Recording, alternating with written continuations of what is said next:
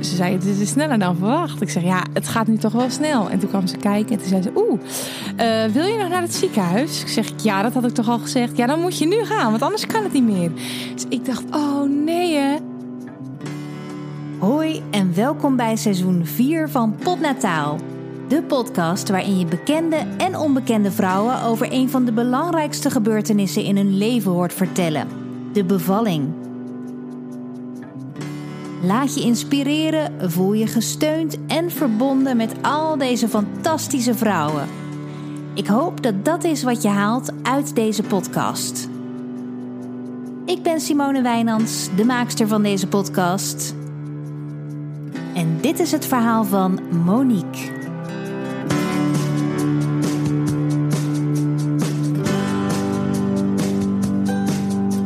Ik ben Monique Smit. Ik ben 31 jaar, geboren en uh, getogen in Volendam. En daar woon ik nog steeds met heel veel plezier. Um, ik uh, heb twee kinderen samen met Martijn. De oudste is uh, vier, dat is Noah. Die is geboren op 1 augustus 2015. En de jongste, dat is Luca. En die is geboren op 11 juli 2019. Dus die zit nog vers in het geheugen. Sinds een jaar of vier maakt Monique Smit deel uit van ons huishouden. Zo zou je het kunnen zeggen. Of nou eigenlijk haar liedjes maken deel uit van ons huishouden. Ze maakt namelijk onder andere kinderliedjes en die vallen hier thuis nogal in de smaak. En ik moet toegeven, ik ken ze zelf inmiddels ook allemaal uit mijn hoofd. Het voelt dus meteen helemaal vertrouwd om met elkaar aan tafel te gaan zitten. En wat ook meehelpt, Monique straalt uit dat ze een hele open, positieve en gezellige vrouw is. En dat is ze dus ook echt. Het is mooi Nederlands zomerweer, al valt er ook af en toe een buitje. Maar als we gaan opnemen is het droog en aangenaam zomerweer. We zitten lekker coronaproof op anderhalve meter afstand in de frisse buitenlucht. En we praten uiteraard niet over kinderliedjes, maar over een jaar geleden. Ik was uh, eh, 39 weken zwanger en, en, en twee dagen geloof ik. En um, met Noah was ik ook voor de 40 weken bevallen. Dus ik hoopte eigenlijk van, nou, laat ik maar niet overlopen. En uh, nou, trouwens, ik vond het ook wel niet zo heel erg. Maar ja, je, je wil op een gegeven moment rond de 7, 38 weken, je weet dat alles goed zit, dan, dan heb je altijd zoiets van, nou, laat me komen. Dus dan elke avond voordat ik naar bed ga, dan zei ik tegen Martijn, nou, Zouden we nou vanochtend, uh, morgenochtend rustig wakker worden? Of uh, zitten we dan al in het ziekenhuis? Of misschien niet wel thuis? Op mijn eerste bevalling was echt heel snel gegaan. Dus ze hadden wel tegen mij gezegd: mocht je iets gaan voelen, houd er rekening mee dat het heel snel kan gaan. Dus uh, trek wel op tijd aan de bel. En toen was het 10 juli en toen ging ik naar bed s'avonds. En ik voelde nog helemaal niks. Ik had wel last van harde buiken, maar dat had ik wel vaker. Bloedheet is het buiten. De 30 graden worden aangetikt als Monique in bed ligt. De afgelopen nachten sliep ze ook al onrustig en dat is nu niet anders. En dan lag ik te woelen en ik wist niet hoe ik moest liggen. Nou, op een gegeven moment weet je ook gewoon echt niet meer hoe je nou het lekkerst kan slapen. En dan had ik al zo'n voedingskussen tussen mijn benen. En uh, ik moest drie keer s'nachts naar de wc om te plassen. En nu dacht ik dus ook dat ik naar het toilet moest. Dus ik ging naar het toilet. En toen dacht ik? Is dit nou, is dit nou een B of niet? En, en, en dacht ik, nou, kan ik het wegpuffen? Ik een beetje, denk, ja, het was allemaal niet nodig. Ik denk, nou, nee, we gaan gewoon weer naar bed. En ik viel gelijk in slaap. Die mazzel heb ik gelukkig wel. En na tien minuten, want ik had het wel op mijn, op mijn telefoon gekeken hoe laat het was. Na tien minuten kreeg ik weer dat gevoeletje. Toen dacht ik, oh, zou het dan toch? En, maar je twijfelde wel. Het was niet dat je meteen dacht: hé, hey, maar ik heb dit eerder gevoeld. Nou, ik heb dat dus nu nooit eerder gevoeld. Omdat het grappige is met, met, met Noah. Toen was ik al in het ziekenhuis nog voor controle. Dus ik heb, bij Noah heb ik nooit uh, dit meegemaakt. Dat ging bij Noah heel snel. En nu, nu voelde ik het. En ik had uh, op mijn telefoon ben ik toen gaan, uh, gaan timen. En heb ik als in notities opgeze- opgeschreven van zo laat en zo laat en zo laat. En op een gegeven moment bleef het maar, was het half zes of zo, bleef het maar om de 10, 12 minuten. En ik had dan op internet gelezen dat het wel echt om de vijf minuten moest zijn voordat je pas iemand mag bellen. Dus ik denk, ga- hoe lang gaat dit duren? ik kon het wel makkelijk wegpuffen, maar gewoon het niet slapen. Dat is dan heel rottig. Dat je denkt, oh, ik ben helemaal kapot. Maar ik krijg elke keer een, een soort steek waardoor ik niet lekker kan slapen. En je denkt toch van, ik moet uitgerust zijn. Ik moet eh, een beetje ja, want slaap je hebt ook al een kindje. Ja. En eh, toen werd ik s ochtends wakker en Martijn zou naar zijn werk gaan. En toen zei ik, ik wil toch dat je niet naar je werk gaat. Dus hij zegt, ja, hoezo? Er is toch helemaal niks aan de hand? Ik zeg, maar volgens mij hebben vrouwen gewoon, die voelen dat. Ik zeg, nee, nee. Ik zeg, we gaan gewoon even bellen. Want toen kwam het wel iets, iets sneller. Ik zeg, we gaan gewoon bellen. Ik zeg, want ik kan niet, eh, niet meer afwachten. Ik wil gewoon weten hoe het zit. Dus toen kwam de verloskundige bij mij thuis. En eh, volgens mij zat ik toen op eh, de drie of vier centimeter of zo. Dus dat viel hartstikke mee. Toen zei ze, ja, dit kan nog wel even duren. En eh, zeg ik, ja, maar ze hadden vorige keer wel tegen mij gezegd dat het bij mij heel snel kan gaan. Dus eh, kun je er niet gewoon bij blijven? Nee, ik kom straks wel even bij terug. Ik moet nu eerst even een bevalling doen. En dan, eh, als er wat is, dan kun je natuurlijk altijd bellen. Dus Wat? Martijn zegt, nou, zie je nou, ik ga gewoon naar mijn werk. En zij stapte de deur uit. Martijn ging douchen. Hij had zijn kleren aangetrokken. En nog geen, geen uur later, toen hij weg zou gaan, toen eh, zei ik eh, tegen hem: eh, nee, Ik zeg, je kan niet. Je moet, je moet hier blijven. Er is veel verschil. Toen zei hij. Nou, wat ga je dan doen? Ik zeg, ja, ik, moet, maar ik twijfel dan. Dan ga ik zo twijfelen. Mag ik dan wel bellen? Ik heb vriendinnen die constant aan de telefoon hingen met eh verloskundigen. En ik durfde dat helemaal niet. Ik dacht, oh, zo meteen ben ik een aansteller. Dan zit ik hier nog twee dagen. Ja, ja, snap ik wel. Ja, Ja. Dus zo zou ik ook, eh of tenminste Ja. dat deed ik ook bij mijn eerste inderdaad. Veel ik dacht te lang echt, misschien wachten. ben ik ja. gewoon eh, aan het aanstellen. En ik wilde heel graag in het ziekenhuis bevallen. Want waarom, waarom was dat zo belangrijk? Uh, ja, weet ik niet. Ik, ik heb best wel... ik was een beetje angstig of zo. Want de eerste keer... Ben ik ook in het ziekenhuis Ja, maar toen was je dus voor een controle en toen eh Ja, het braken ineens je vliezen. Of, Ja, ik was toen ook 39 weken zwanger en ik had een, een klein buikje. En eh, Noah bewoog de laatste week wat minder. Maar helemaal niet waar ik me druk om maakte. Maar dan vragen ze tijdens zo'n gesprek, nou, beweegt hij nog goed? En toen had ik gezegd, nou, ah, hij is wat rustiger. Nou, toen gingen alle alarmbellen af. Terwijl ik dacht, ja, ho, maar ik voel hem echt nog wel. Nou, het gevolg was dat ik elke dag naar het bovijcentrum in eh ziekenhuis in Edam, of, eh, Amsterdam moest. eh, aan de CTG. Om te kijken of er nog leven in zat. Nou, er zat gewoon elke dag volop leven in. Dus ik zei nog, moet ik hier nou echt elke dag naartoe? Al vanaf 38 weken? Nou, oké, je mag wel om de dag. En ik weet nog dat het toen, dan gaan we even terug naar Noah dus, dat het toen ook e- echt prachtig weer was. Het was 1 augustus. En ik had mijn eh, strandtas in de auto liggen. Want ik zou daarna weer naar het strand doorgaan. Want dat deed ik de dag ervoor ook toen ik al eh, bij de scan Geen bevaltas, maar gewoon een strandtas nee, in ik de auto. geen bevaltas mee. Die stond gewoon in huis. Ja, heel dom eigenlijk. Maar als je elke dag naar het ziekenhuis moest en, dan, en elke keer gaat het goed, dan zeggen ze: Nou, hoor, je hebt nog niks, eh, rustig aan. We zien je morgen weer. Oké. Dus ik had gewoon mijn strandtas meegenomen. Martijn was gelukkig mee, want het was zaterdag, dus die was vrij. Want de, de, de dagen ervoor was mijn moeder mee. En ik had een. ehm, een week of zes later had ik eh, een première eigenlijk al eh, gepland staan van twee kleine kleutertjes in het theater. Mijn, mijn zwangerschap kwam een beetje onverwachts, een beetje iets sneller dan we hadden gedacht, laat ik het zo zeggen. Komt altijd onverwacht. Ja. Of, of na zes weken moest ik al repeteren, dat was het. Dus toen had die vrouw gezegd van, nou, mocht je nou eh, overlopen, dan kunnen we wel een handje helpen. Dus, toen zei ze, dus als je al wil. Toen zei mijn moeder, nou, nou, die tikte me aan, daar gaan we er toch voor.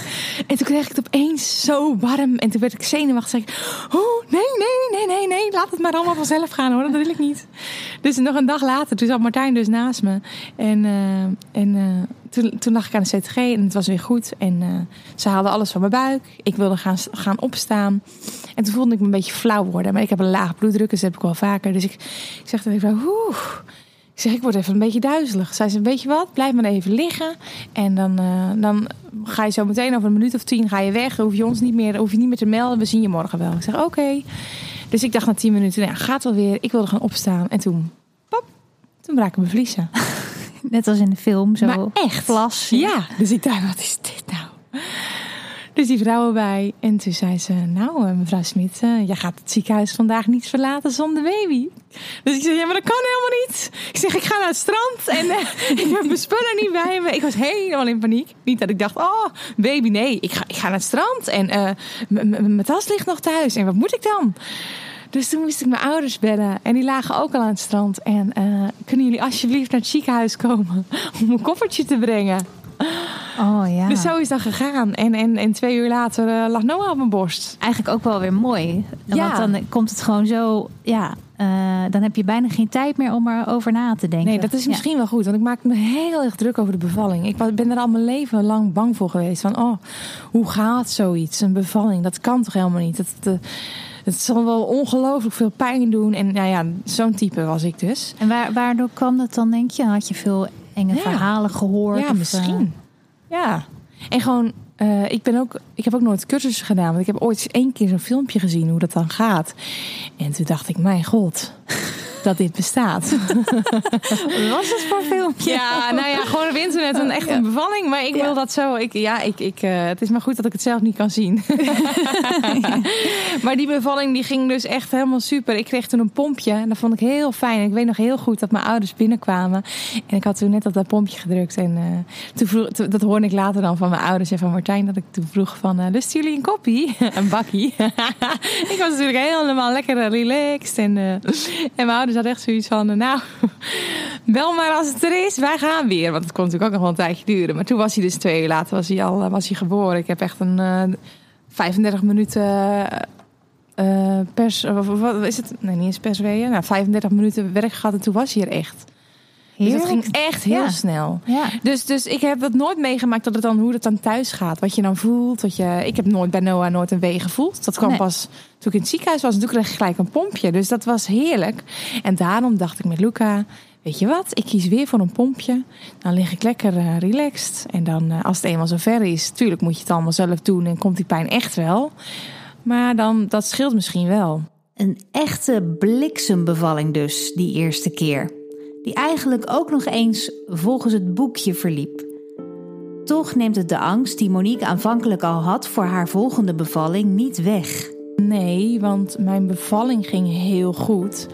Alleen ben ik na Noah wel uh, gehecht. En daar is iets misgegaan. En daar heb ik echt maandenlang last van gehad en ontstekingen gehad. En ik wilde borstvoeding geven. En, uh, want dat moest, want dat hoort erbij. En dat, ik, ja, dat wilde ik ook graag. En ook dat lukte niet. In het begin wel, maar toen kreeg ik ook ontstekingen. Dus had ik ontstekingen boven en ontstekingen onder. En toen dacht ik echt, uh, ik heb wel een moment gehad dat ik dacht, is dit het nou? En volgens mij heb ik wel een beetje op het randje gezeten van, ja, ja het, was, het was een, hele heftige periode voor mij. Ik dacht, iedereen zegt nu, je, je zit nu op een roze wolk. Of de lichtblauwe wolk. En die had ik niet. Ik had wel een donkergrijze wolk eigenlijk. Ik dacht, ja, ja ik vind het een heel mooi kindje. Maar um, ik heb alleen maar pijn. Na eerste bevalling lukt het Monique niet goed om echt te genieten van haar kraamtijd. Ze wil het allemaal zo goed mogelijk doen en stelt hoge eisen aan zichzelf ik had echt het gevoel dat ik aan het falen was. En dan kwam de visite en dan, dan, natuurlijk vond ik dat prachtig. En ik genoot van mijn kraamtijd. En, en ik had een super kraamhulp thuis. En eh, ik vond het heel fantastisch om te kijken, de, hele dag in het wiegje te kijken van dit is van mij. Maar um, dat wat dan mensen zeggen van nou je bent op slag verliefd en... Dat heeft bij mij echt wel een tijdje geduurd. En het grappige is dat ik me daar in het begin heel lang voor heb geschaamd. En dat durfde ik echt nooit tegen niemand te zeggen. En pas later, een paar jaar later, um, toen werd ik ook een keer geïnterviewd door, door ja, een blad. En toen, toen vroegen ze dat. En toen dacht ik, ja, nu ga ik gewoon eerlijk zijn. Want ik heb het toen ook een keer tegen een vriendin verteld. En die was toen zo opgelucht dat ik dat zei. Want ze zei, oh Mona, ben ik zo blij dat je dit zegt. Want ik heb het ook gehad. Maar ik dacht, oh, nou ben ik een slechte moeder, weet je. Dat zal wel aan mij liggen. Ja. Maar het kan heel heftig zijn. En uh, het is uh, daarna allemaal fantastisch gegaan hoor. Ik heb gelukkig twee kinderen die, die heel goed slapen. Um, Noah heeft dan wel in het begin ook krampjes gehad. Dus dan wist ik gewoon niet wat ik met hem moest doen. Dan dat hij gewoon uren achter elkaar een, een huilbui uh, had. En dat je denkt. Oh, en ik weet het niet meer. En dan, en dan ga je zelf ook huilen. En dat ik hem dan bij mijn moeder heb gebracht. En dat mijn moeder ook gewoon zei: We leggen hem even in de wagen. En, en, en uh, je gaat er gewoon even, even niet naartoe. Laat hem maar even. En ik kon dat natuurlijk niet. Want dan, dan denkt jouw moederhart: Ja, maar ik kan, niet, ik kan niet mijn kindje daar niet laten liggen. Heel herkenbare struggles, denk ik, waar veel jonge moeders doorheen gaan. We willen dat het perfect gaat, we doen ons uiterste best en voor de buitenwereld wordt vaak de schijn opgehouden. Hoe gaat het met je? Ja, goed. Je kent het wel. Uiteindelijk komt het besef dat het zo niet gaat, ook bij Monique. Maar vervelend genoeg kampt ze ook nog met een fysiek probleem na die eerste bevalling. Van het litteken heb ik echt nog maanden last gehad. Waardoor ik, ehm, eh, dat is later ook bekeken. En toen hebben ze ook gezegd dat het helemaal verkeerd was gedaan. Dus dat, dat, was uh, mijn, mijn verloskundige. Want ik weet nog dat ik zwanger was. Ik heb daarvoor nog een miskraam gehad eh, tussen Noah en Luca. En um, toen kwam ik, toen mocht ik wat vaker op controle. En toen vroegen ze ook: ben je dan, ben je dan bang? Toen zei ik ja, ik heb ook best wel een tijdje gewacht. Omdat ik echt dacht van nou, ik wil voorlopig niet meer bevallen. En uh, toen zei zij ook, als, jij, als je gewoon deze bevalling heel goed naar mij luistert, gaan we ervoor zorgen dat er, dat er deze keer niets gaat gebeuren. En dan gaat het helemaal goed komen. Ze zegt, we houden hier rekening mee. Zij hebben toen een fout gemaakt. Dat, is heel slordig. Maar we, dit, dit komt goed. Geloof me. En geloof in jezelf. En toen dacht ik, ja, oké. Oké. De verloskundige geeft haar het vertrouwen dat het goed gaat komen, al blijft ze het nog steeds spannend vinden. We trekken weer een sprintje vooruit in de tijd, naar haar tweede bevalling dus. Monique heeft net tegen haar vriend gezegd dat hij toch echt moet thuisblijven.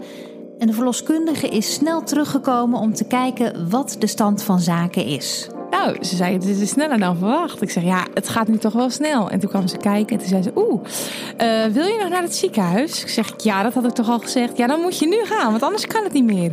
Dus ik dacht, oh nee hè.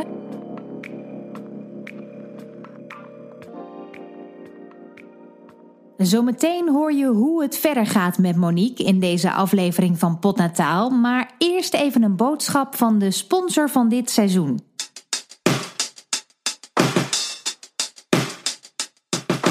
Weet je nog, niet zo heel lang geleden, toen je heerlijk met je haren wapperend in de wind, autoradio aan, in je te gekke cabriootje zat, waar nog net een koeltas op de achterbank paste voor mee naar het strand?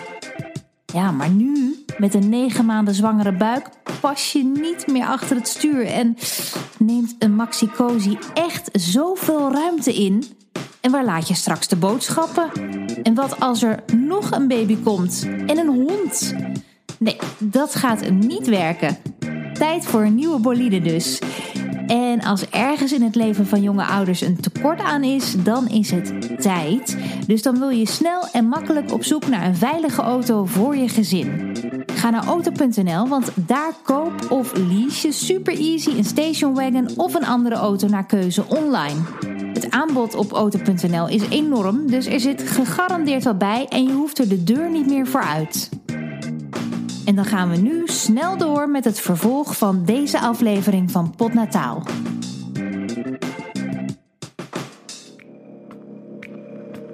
We gingen racen naar de auto.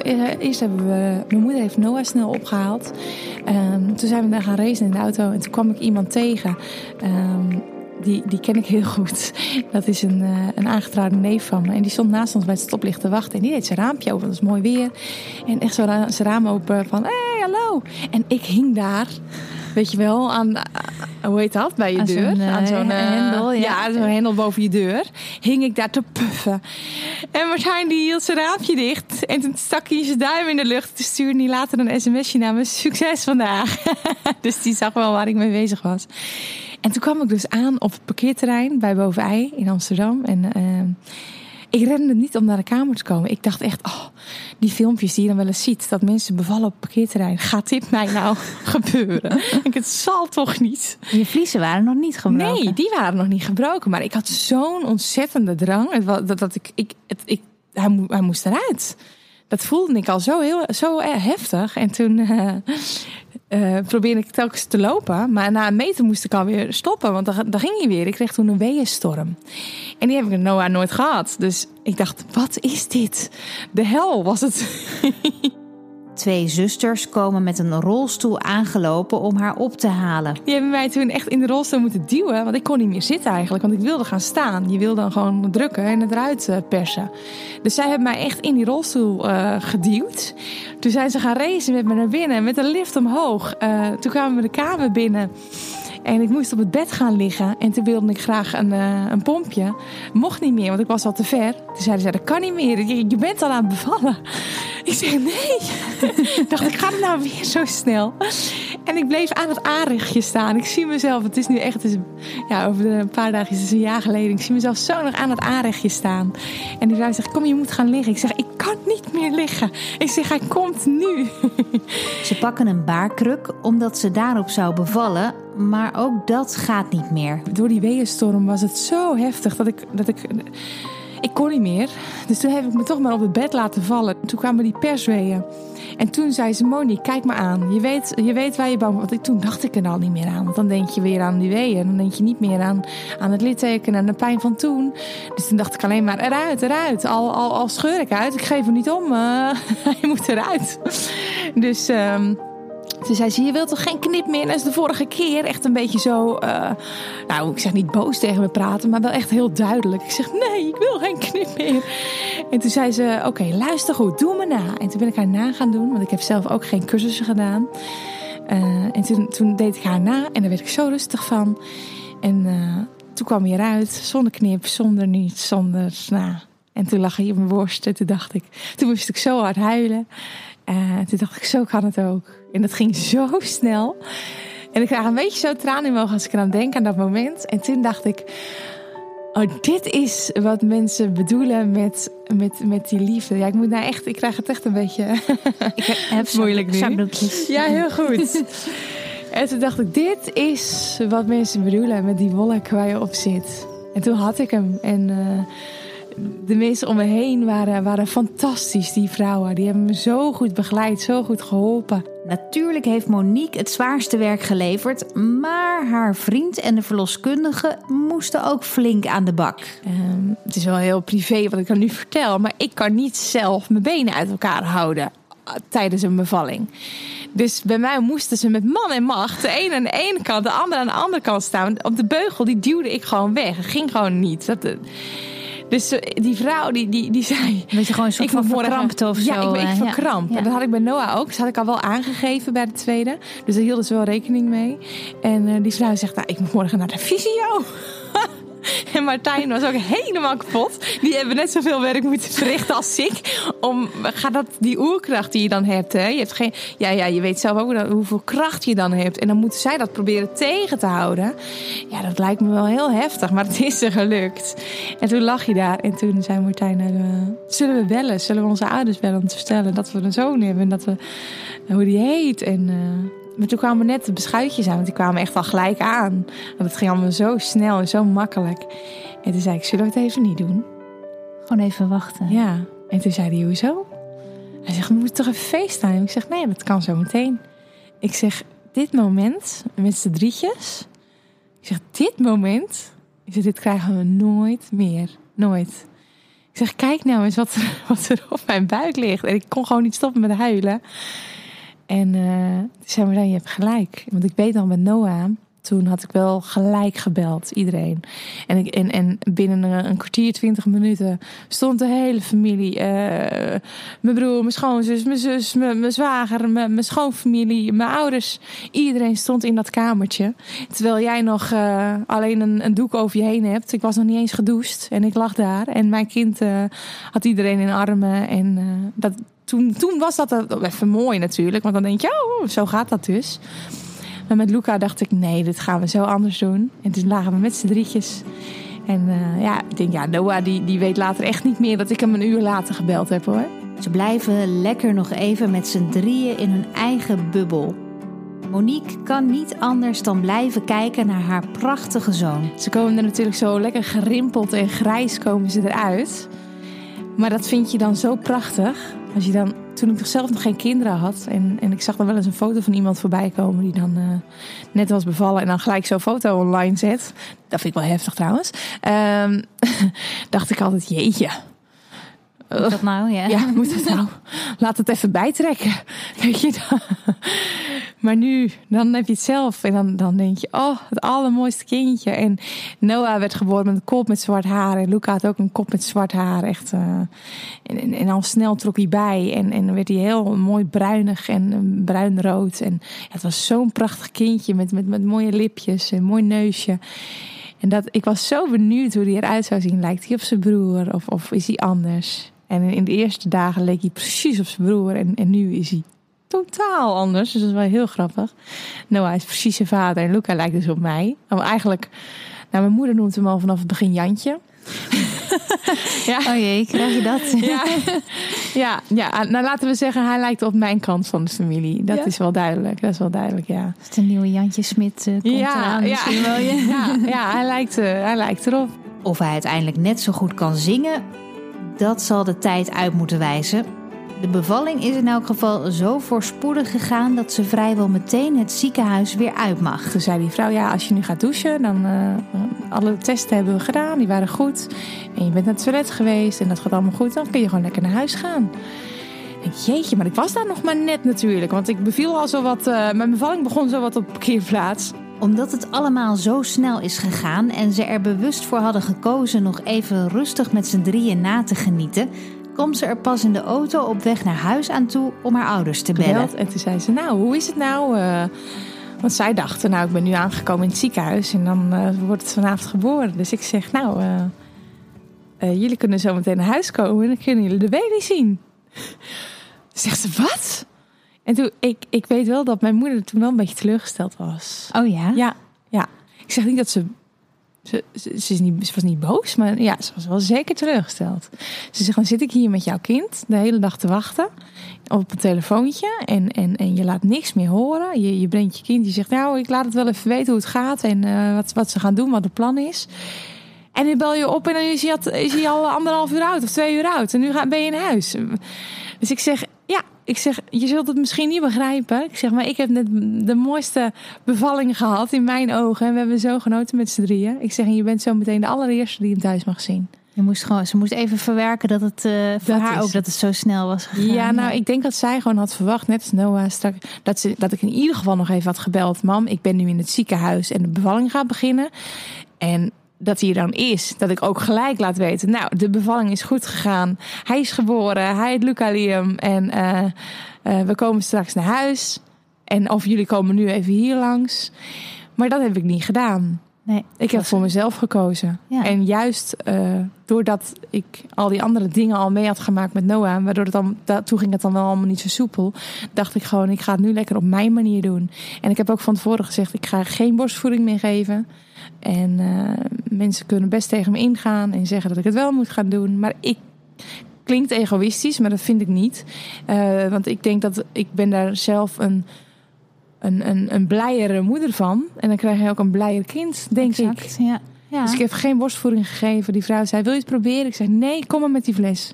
Ik heb hem een flesje gegeven. Hij dronk hem in één keer op. En en ik was thuis. Ik vind het zeker geen egoïstische keuze van Monique, maar juist een hele goede, weloverwogen keuze. Eentje die iedere moeder voor zichzelf zou moeten mogen maken, zonder commentaar van anderen. Ik heb ooit diezelfde keuze gemaakt bij mijn tweede, om eigenlijk dezelfde reden, dus ik snap haar helemaal. En voor potnataal ben ik ooit ook al eens uitgebreid in het onderwerp borsten en flesvoeding gedoken. Dus als je daar meer over wil weten, dan kan ik je aanraden om aflevering 9 van seizoen 1 een keer te beluisteren. Terug naar Monique. Het moment dat ze thuis komt met haar jongste zoon staat nog in haar geheugen gegrift. En ik weet nog heel goed dat ik aankwam. Ik zette de auto bij ons uh, voor de deur en uh, uh, die stond op onze straat. En toen kwam de buurvrouw naar buiten, maar die had mij natuurlijk s ochtends nog gewoon gezien. En die zegt, uh, nou, is het? Ik zeg, ja, goed. Ik zeg, kijk even, ik heb nog wat moois. Maar zij dacht dat ik wel had, wat had gekocht, want het is wel vaker. Er stonden meerdere buurbuiten. Wij hebben er wel eens vaker als je iets bestelt of wat dan ook. Oh, kijk even, kijk even wat ik nu heb voor leuks. Oh, mooi, mooi. En je ziet er natuurlijk nog zwanger uit op dat moment. Ja, dus precies. Ja. Want ik had gewoon nog uh, mijn bevallingsjurkje aan. En nou ja, wel nou ja, ja, gedoucht en zo. Maar ik, ik, ik, het was net alsof ik boodschappen had gedaan. Zo kwam ik terug. Ik voelde me ook zo goed. En, uh, en toen zei ze nog, dus toen zei mijn buurman nog voor grap, toch geen kindje? Oh, oh, oh. dus ik zeg, ja, dat zou toch wel mooi zijn. Toen zei mijn buurvrouw, gek, deze stond hij drie uur geleden nog uh, in huis. Dus ik zei, nee, je moet dit even zien. Dus toen haalden ze de deur open. Toen stond daar een Maxi met een baby erin. Nou, die werden helemaal gek. Dit kan niet. Jij stond hier net nog. Ik zeg, ja. Ik zeg, en je heb je hem. en toen kwamen mijn ouders binnen. Iedereen was er. En... Uh, toen, toen zat ik, ik zat zelfs in kleermakerszit. zat ik op de bank. nou, wat fantastisch. Ja. ja, dus dat was echt een, een, een heerlijke bevalling. Als ik me een ideale bevalling voor moet stellen, nou, dan denk ik dat dit toch wel aardig in de buurt moet komen. Voor Monique was dit eigenlijk ook precies zoals ze voor ogen had. Ik had dus wel echt duidelijk aangegeven dat ik in het ziekenhuis wilde bevallen en uh, met pijnbestrijding. Het ziekenhuis is gelukkig wel gelukt. Ja. ze zei wel van als je mij niet had gebeld, als, je me een, als ik haar een half uur later had gebeld, dan had ik niet meer naar het ziekenhuis gekund. En dan was ik gewoon thuis bevallen. Ja, in theorie had het eigenlijk best gekund. Ja, als je dit ze zei ook uh, tegen ja, mij, ja. nu ben je zo makkelijk bevallen. Mocht je in de toekomst nog uh, een kindje willen, je zou, je zou het zo thuis uh, kunnen doen. Want dat gaat heel snel. Zou je dat aandurven, denk je? Ja, nee, weet ik niet. Dat is moeilijk te zeggen. Ja. Weet je ook eigenlijk pas als je ervoor staat. En Ja, dan kan het ook nog met de dag veranderen. precies. En nu leven we ook weer in een hele andere tijd. Dat- Ja, weet je, en ik weet dat de ambulance kan er snel zijn, mocht er iets zijn. Hè? Maar ik denk dat ik mezelf het nooit zou vergeven. Stel dat er wel iets misgaat en, en eh, je komt te laat aan in het ziekenhuis of het kindje komt te laat aan. Ja, die gedachte maakt mij gewoon een beetje bang, waardoor ik gewoon altijd zeg een ziekenhuis. Maar mijn zus heeft twee bevallingen thuis gehad en mijn moeder is ook van ons alle drie thuis bevallen. Ja. Dus die hadden ook echt zoiets van, nou kom op Mo, dit kan jij. Ja. eh, dit komt goed. En ik ben dan een beetje een doemdenker. Een doemdenker noemt ze zichzelf. Nou, ik denk dat ze gewoon heel nuchter is. En voor alle keuzes die je maakt met betrekking tot je bevalling geldt uiteindelijk dat het je eigen keuze is. En dat je moet doen waar je zelf achter staat, mits het medisch verantwoord is uiteraard. Monique is thuis omringd door haar familie en kerstverse gezinnetje. Toen kwam de kraamzorg. Ik had dezelfde kraamhulp als, eh, als, die, als eh, met Noah. En eh, dat had ik ook aangevraagd. En dan is het nog maar de vraag of ze ook kan natuurlijk. Want voor hetzelfde geld zit ze bij een gezin. Maar ze was toevallig eh, twee dagen daarvoor eh, was ze klaar bij een, eh, bij een gezin. En kwam, kon ze bij mij komen. Dus dat was heel leuk. En Noah vond het ook fantastisch. En wat ik leuk vond is dat Noah toen nog niet op school zat. Dus die... eh, die zat elke ochtend, er was ook schoolvakantie in die tijd hoor trouwens, maar puzzelen met haar en je wordt verwend. En ik weet nog dat ik de eerste week dacht, oh maar dat doe ik zelf wel even. En dat mijn moeder toen tegen mij had gezegd, Monique, dit is een week. Die gaat nooit meer terugkomen.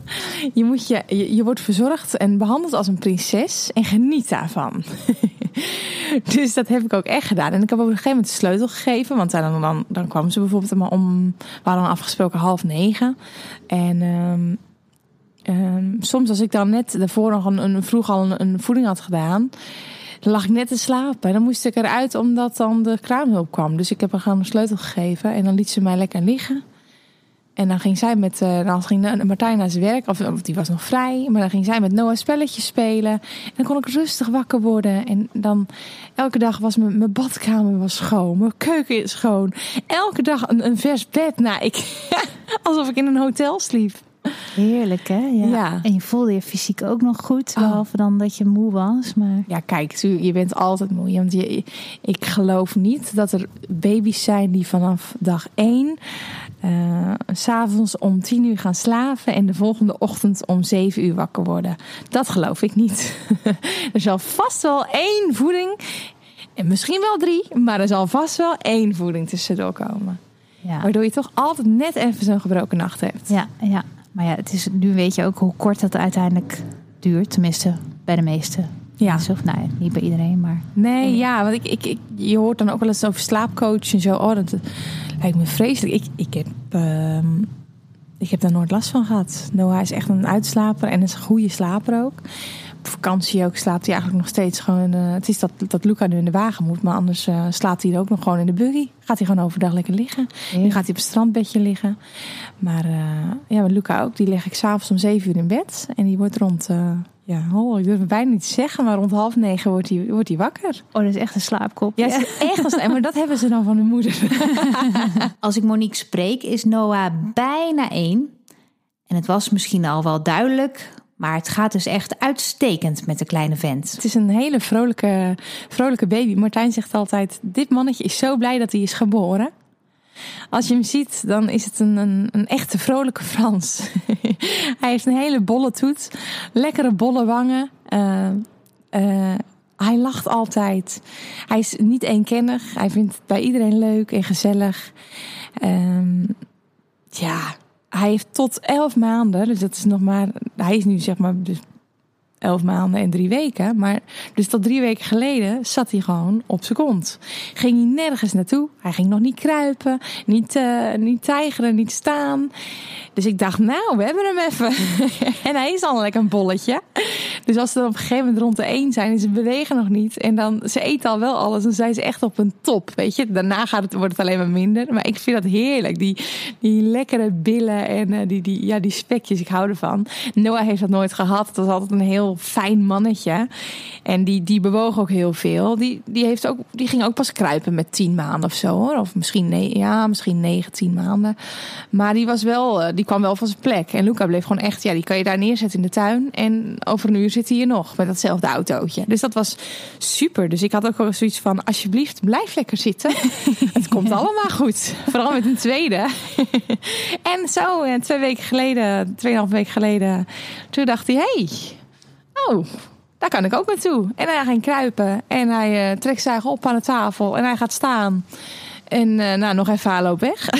Hij doet het gewoon ook even, even snel nog. Net als, Ja. als dat hij ter wereld kwam. eh, Ja. Nu ook even snel. Ja, en eh. grappig was, want mijn moeder zei ook al, eh, misschien slaat hij het kruipen wel over. Die gaat gewoon straks gelijk staan en dan eh, ga- gaat hij weg. Ik zeg, ja, je hebt gelijk. Maar het is zo'n mooi mannetje. Het is ook heel leuk met Noah, die, die, eh, die kwam natuurlijk eh, thuis.